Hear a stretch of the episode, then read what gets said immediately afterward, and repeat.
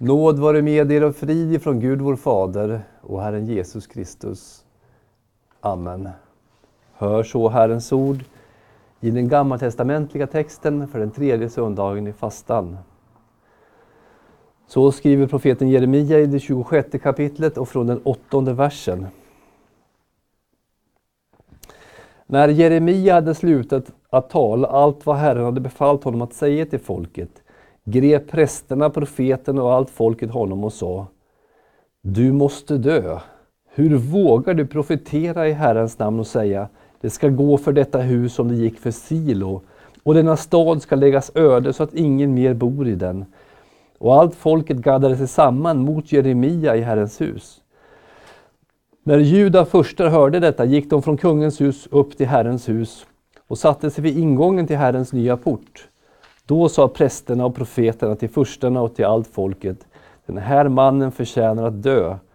Jag har ju med egna öron hört hur han profeterat mot denna stad. Men Jeremia svarade alla furstarna och allt folket, Herren har sänt mig att profetera mot detta hus och denna stad, allt det som ni har hört. Ändra nu ert liv och era gärningar och hör Herrens, er Guds röst. Då kommer Herren att ångra det onda han talat mot er. Vad mig angår är i er hand. Gör med mig vad ni anser vara gott och rätt. Men det ska ni veta, att om ni dödar mig, så drar ni oskyldigt blod över er och över denna stad och över dem som bor här. För det är i sanning Herren som har sänt mig till er för att säga er allt detta. Amen. Herre, helga oss i sanningen. Ditt ord är sanning. Amen.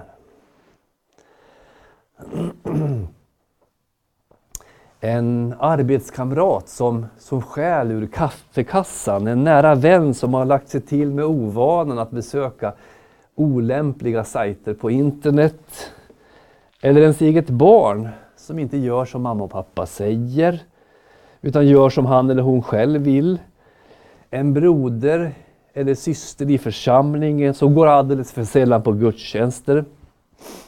Vad gör vi?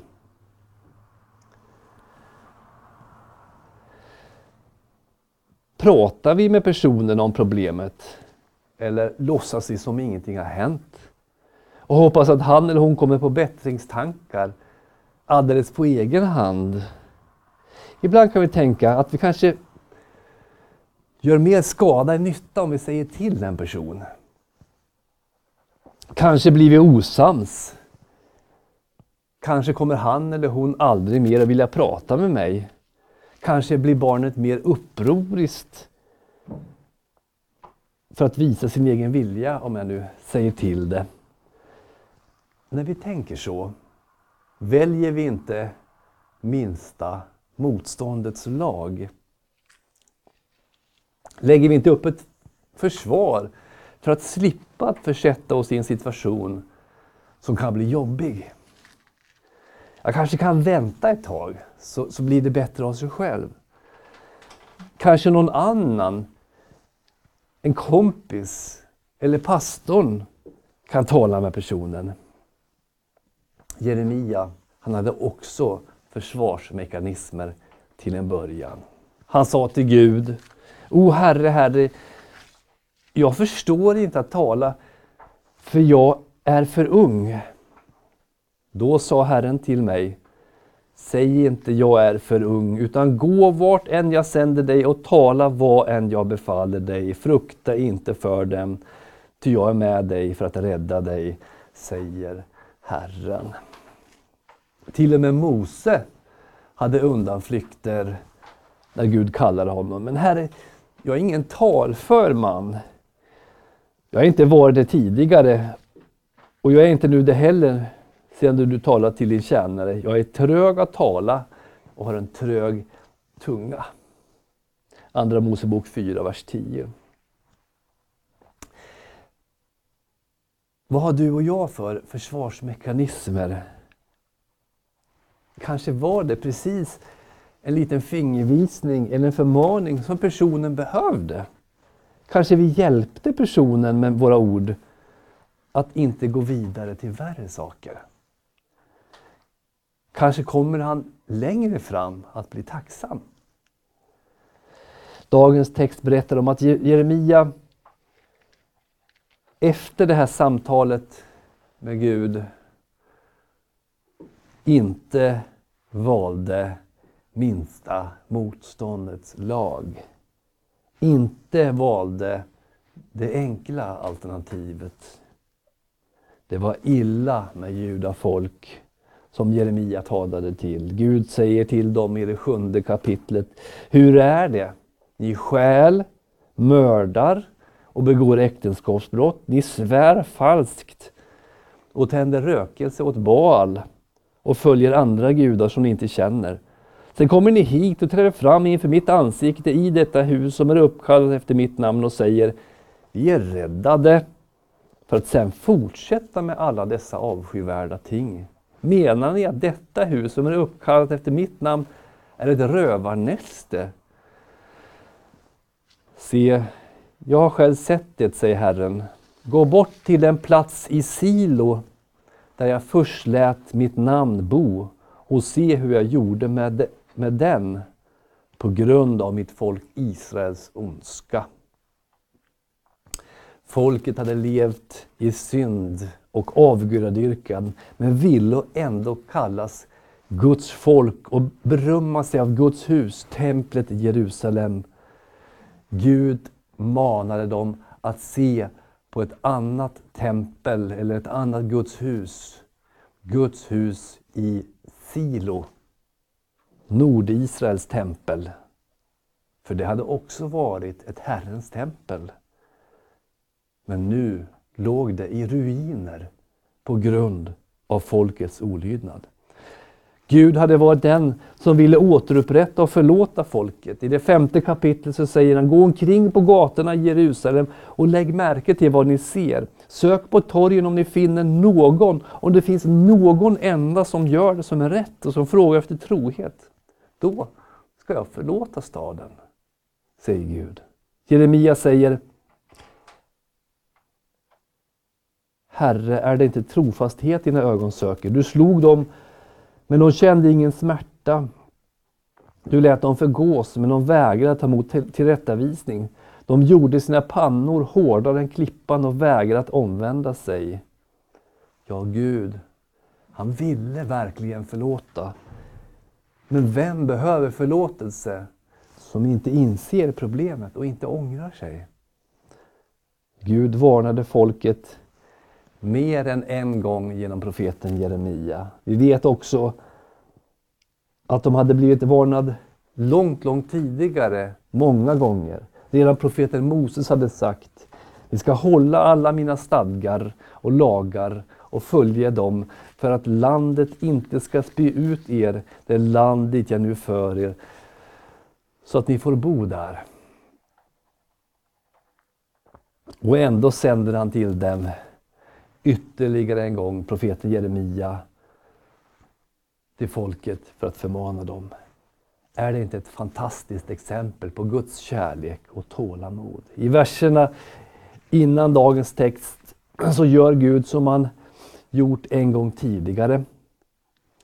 Han sänder Jeremia till Guds tempel. Att ställa sig i förgården och tala direkt till Guds folk. Du ska säga till dem, så säger Herren, om ni inte vill lyssna till mig och vandra efter den lag som jag förelagt er och höra vad mina tjänare profeten talar, dem som jag sänder er, jag som jag gång på gång har sänt till er fastän ni inte har lyssnat.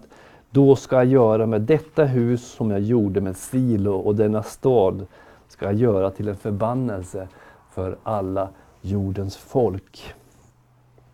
I staden Silo hade arken en gång förvarats. Var, då var templet, eller då var, då var det tältet där, där arken fanns, då var det Guds hus. Profeten Samuel minns ni, han hade växt upp där. Och Josua hade haft staden som högkvarter. Men folket hade fallit i synd och staden förstördes av filisterna. Gud förklarar alltså att olydnaden får konsekvenser. Gud är en helig Gud. Men att Gud inte bara en gång utan flera gånger sänder profeterna, talar till folket. Det visar att detta var någonting som Gud egentligen inte ville. Han ville inte att det skulle gå illa för Guds folket, att Gud skulle straffa dem. Utan han ville verkligen förlåta det om de omvände sig. Idag säger profeten, ändra nu ert liv och era gärningar och hör Herrens, er Guds röst. Då kommer Herren att ångra det onda han har talat mot er. Sån är vår Gud. Som Nehemja säger. Du är en Gud som förlåter, nådig och barmhärtig, sen till vrede och stor i nåd. Det är nästan omöjligt att föreställa sig vad Gud begärde av Jeremia när han skickade honom till templet att predika omvändelse och dom. Tänk efter nu. Låt oss föreställa oss vad en grupp fanatiska, religiösa människor kan åstadkomma. Tänk dig att någon skulle vandra in bland en grupp, grupp muslimer i, i Mecka och predika att hela staden skulle förstöras och Kaba skulle förstöras om de inte omvände sig. Vad, vad skulle, hur skulle det gå med en sån person tror ni? Eller tänk om någon som skulle ställa sig på Petersplatsen i Rom inför påven och alla romare och ropa om synd och omvändelse och dom. Vad skulle hända då tror ni? Vilket uppdrag han fick Jeremia. Och sen klagar vi på att vi kanske ska gå och prata lite försiktigt med vår syster eller broder eller vår granne eller vad det nu är. Så vad blev då reaktionen på profetens förkunnelse? När Jeremia hade slutat att tala allt vad Herren hade befallt honom att säga till folket grep prästerna, profeten och allt folket honom och sade du måste dö. Hur vågar du profetera i Herrens namn och säga det ska gå för detta hus som det gick för Silo och denna stad ska läggas öde så att ingen mer bor i den. Och allt, allt folket gaddade sig samman mot Jeremia i Herrens hus. När Juda förstar hörde detta gick de från kungens hus upp till Herrens hus och satte sig vid ingången till Herrens nya port. Då sa prästen och profeten till förstarna och till allt folket Den här mannen förtjänar att dö. Ni har ju med egna öron hört hur han profeterat mot denna stad. Vi ser här hur inte bara folket utan också prästerna och profeterna gaddar sig samman mot Jeremia. Istället för att ransaka sig, omvända sig, ändra sin livstid eller ångra sig, så blir man arg på Jeremia. Jag så arg att man vill döda honom. Han har profeterat mot Guds heliga stad Jerusalem, menar man. Ja, han har varnat att domen till och med skulle falla över Guds eget hus, över templet. Och det står att Juda förstar kom och satte sig vid ingången till Herrens port. Det var där man fällde domar. Det handlar alltså om att man initierar en rättegång mot profeten. Han ska alltså ställas till svars för att ha predikat Guds ord. Han svarar på detta. Herren har sänt mig att profetera mot detta hus och denna stad, allt det som ni har hört. Ändra nu ert liv och era gärningar och hör Herrens, er Guds röst. Då kommer Herren att ångra det onda han talat mot er. Och vad mig angår är jag i er hand. Gör med mig vad ni anser vara gott och rätt. Men det skall ni veta, att om ni dödar mig, så drar ni oskyldigt blod över er och över denna stad och över dem som bor här. För det är i sanning Herren som har sänt mig till er för att säga er allt detta. Känns scenariot igen? Var det inte på samma sätt man reagerade 600 år senare? När Kristus ställdes inför rätta med liknande anklagelser mot sig. Han hade sagt att templet och, och staden skulle rivas. Han hade uppmuntrat folket till att omvända sig och han hade fått den religiösa eliten, ledarna, mot sig. Hittills har vi sett på texten ur Jeremias perspektiv.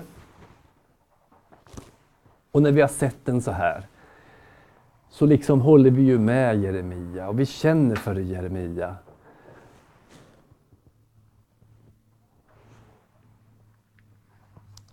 Och jag har tänkt också på vårt ansvar att vara som en Jeremia, att förmana och, och rätta till. Men låt oss nu vända på fokus så att vi sätter oss i folkets och översteprästernas ställe. De hade känt sig hotade när deras auktoritet och trygghet ifrågasattes och de hade reagerat med ilska. Vi har alla olika trygghetskuddar. Och det här med kudde, det tycker jag är så fint begrepp. Man pratar om trygg, trygghet. Jag minns när jag var eh, när jag var nyligen prästvigd, så i sakristian så fanns det en, en tavla uppsatt. Det stod att hur man ska predika evangelium, hur man ska ransaka sitt eget hjärta och man ska förkunna lagen. Och så stod det på gammal svenska, man ska rycka hyndet undan de säkra, de kötsligt säkra. Och då funderade jag på vad det hyndet betydde, men det är tydligen att alltså rycka bort kudden ifrån från någon som, som ligger och sover, helt enkelt. Och vi har ju alla olika trygghetskuddar. Vissa av oss har kanske, kanske positioner som skapar en känsla av auktoritet, av prestige och av erkännande. Andra av oss har en trygghet i ett, ett religiöst bete beteende. Hur skulle vi reagera om vi blev ifrågasatta. Vi kan ju ta kanske enklare, mer, mer näraliggande exempel på det här med att bli ifrågasatt och hur vi ofta reagerar känslomässigt. Pappan som sliter hårt och ägnar barnet tid och ägnar familjen tid och verkligen älskar sin, sitt, sina barn, sitt barn. Men så bäddar barnet säng långt upp i tonåren och, och gör allt åt barnet. Hur skulle han känna om någon förmanade honom och sa att han syndade när han fostrade lata och okunniga barn? Skulle han bli arg? Tror ni? Och kanske säga att, att, att jag, jag gör ju verkligen mitt bästa. Och jag älskar verkligen mina barn. Vem är du att tala om för mig hur jag uppfostrar mina barn? Jag gör ju faktiskt så gott jag kan.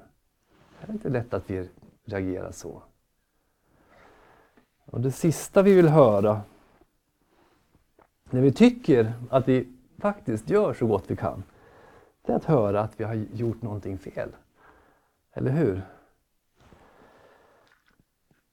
Guds folk, de gjorde säkert så gott de kunde. Eller åtminstone som de trodde att de kunde. Kanske vi ska förtydliga och säga. De gjorde säkert så gott de trodde de kunde. Och de var stolta över sin stad och sitt tempel. De hade en trygghet i det. Förstår vi nu reaktionen? Förstår vi nu varför de reagerar som de gör? När Jeremia kommer dit och börjar rycka i kudden. Borde inte Guds ord gå före vår stolthet? Jag må ha läst hur mycket som helst och jag må ha offrat hur mycket tid på mitt liv, på mina intressen, på mitt arbete, min kyrka. Jag kan faktiskt ändå vara fel ute. Och eftersom jag är så insyltad i mig själv så kanske en annans ögon behövs. För att se vad som är fel och en annans röst för att påminna mig om vad som är rätt. Jesus blev falskeligen anklagad för många saker av människor. Han anklagades för uppror. Han anklagades för att inte betala skatt. Han anklagades för att,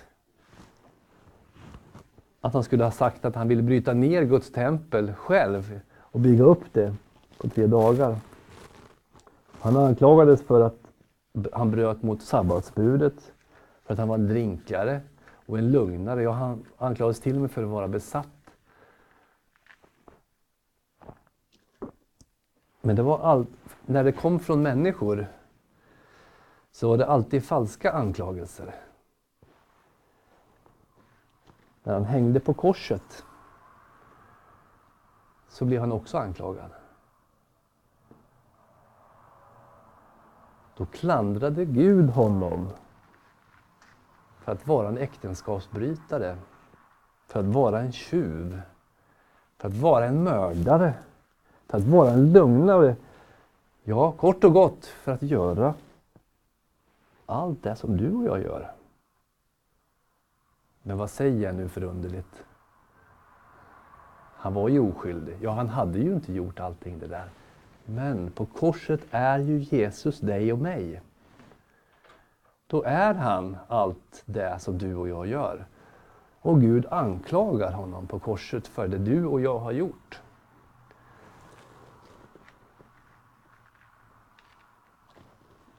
Han var oskyldig. Han stod ut med att vara den syndare som du och jag är i meningen att han tog vår synd på sig. Det står den som inte visste av synd, honom har Gud i vårt ställe gjort till synd för att vi i honom skulle stå rättfärdiga inför Gud. På korset står han där som den syndare som du och jag är. och Inte bara det. står också att han tar straffet för dina och mina synder. Straffet för, för vad vi har tjänat ihop under våra liv. Han blev anklagad för att vi skulle frikännas och förklaras rättfärdiga. Genom honom äger vi förlåtelse inför Gud. När Gud till exempel genom en broder eller en syster pekar på områden i våra liv. Du jobbar för mycket. Ser du inte hur du behandlar din fru och dina barn? Du kanske borde sluta och slösa pengar på onödiga saker. Eller du kanske borde anstränga dig mer på ditt jobb. Du kanske borde bedja oftare. Du kanske borde läsa Bibeln regelbundet. Då ska vi inte reagera med ilska eller genom att bortförklara eller försvara oss. Visst kanske inte allt som andra människor säger alltid är rättvist. Men när det stämmer så ska vi göra som publikanen och säga Gud var nådig mot mig syndare. Det finns förlåtelse, men inte förlåtelse för att fortsätta i samma spår, utan förlåtelse för att förändras till det bättre. Vad står det? Guds nåd har uppenbarats till frälsning för alla människor. Den fostrar oss att säga nej till ogudaktighet och världsliga begär och leva anständigt, rättfärdigt och gudfruktigt i den tid som nu är, medan vi väntar på det saliga hoppet att vår store Gud och frälsare Jesus Kristus ska träda fram i härlighet. Han har offrat sig själv för oss för att friköpa oss från all laglöshet och rena åt sig ett egendomsfolk som är uppfyllt av iver att göra goda gärningar. Titus 2, vers 11-14. Det blev inte särskilt bättre i Juda efter Jeremias förkunnelse. Men man verkar ändå ha insikt i att det var inte hans budskap det var fel på. Vi läser i versen efter dagens text. Då sa förstarna och allt folket till prästerna och profeterna, denne man förtjänar inte att dö. För i Herrens, vår Guds namn, har han talat till oss. Ja, vi felar ju alla på olika sätt. Och Gud vill få oss att erkänna våra fel för att vi också ska vilja ta emot förlåtelse. Kristus har tagit alla våra synder på korset. Låt oss vara sanningssägare som Jeremia och våga tala med vår nästa. Både om bra saker och dåliga saker. Men låt oss också lyssna på saker som kan vara jobbiga att höra, men som ändå är sanna. Kristenlivet handlar inte om att leva som jag själv tycker är smidigast och enklast, utan att leva som Gud vill. Trots att det kan bli både tungt och svårt. Ibland förstår vi inte när Gud säger någonting som helt strider mot det som vi tycker känns bra eller som verkar okej. Okay. Men vi måste ändå lita på att Guds vilja, det är, den är bättre än vår. Och Guds vägar är bättre än våra vägar. Så att vi inte tänker ut egna lösningar som inte har grund i Guds ord. Vi som är äldre, vi kanske minns att, att när man var yngre, när man var ung och entusiastisk, då visste man exakt hur allting skulle gå till, ofta. Och man visste ju ofta hur, hur, hur felaktigt andra betedde sig. Jag skulle aldrig kunna göra så. Jag skulle aldrig kunna bete mig som, som han eller hon gör. Det har man ju sagt många gånger när man var yngre. Men med tiden så lär man sig mer och mer att, att inte för ofta sig använda ordet aldrig. För många av oss har ju faktiskt gjort de där felen som, som eh, vi bara trodde an, alla andra gjorde. Vi ska inte alltid tro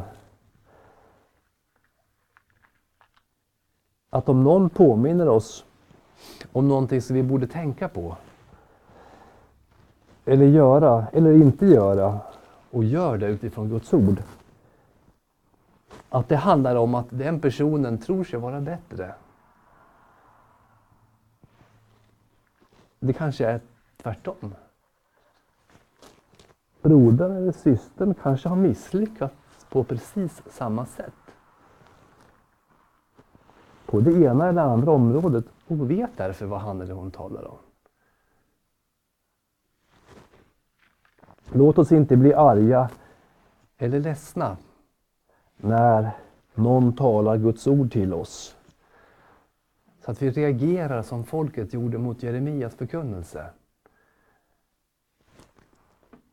Vi vet ju själva, som jag pratat om, vad svårt det är att framföra en förmaning.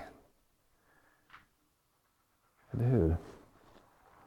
Låt oss då tänka på att den som framför en förmaning till oss, han eller hon gör ju verkligen inget lätt jobb. Och han eller hon kanske helst av allt hade velat att slippa. Men låt oss framför allt se på Jesus. Han som utstod allt för att vi skulle slippa den yttersta anklagelsen. Anklagelsen från Gud. Han var genomborrad för våra överträdelsers skull. Slagen för våra missgärningars skull. Straffet var lagt på honom för att vi skulle få frid. Och genom hans sår är vi helade. Vi gick alla vilse som får. Var och en ville vandra sin egen väg. Men all vår skuld lade Herren på honom. Han blev misshandlad Men han ödmjukade sig och öppnade inte sin mun, lik ett lamm som förs bort till att slaktas, lik ett får som är tyst inför den som klipper det. Så öppnade han inte sin mun. Amen.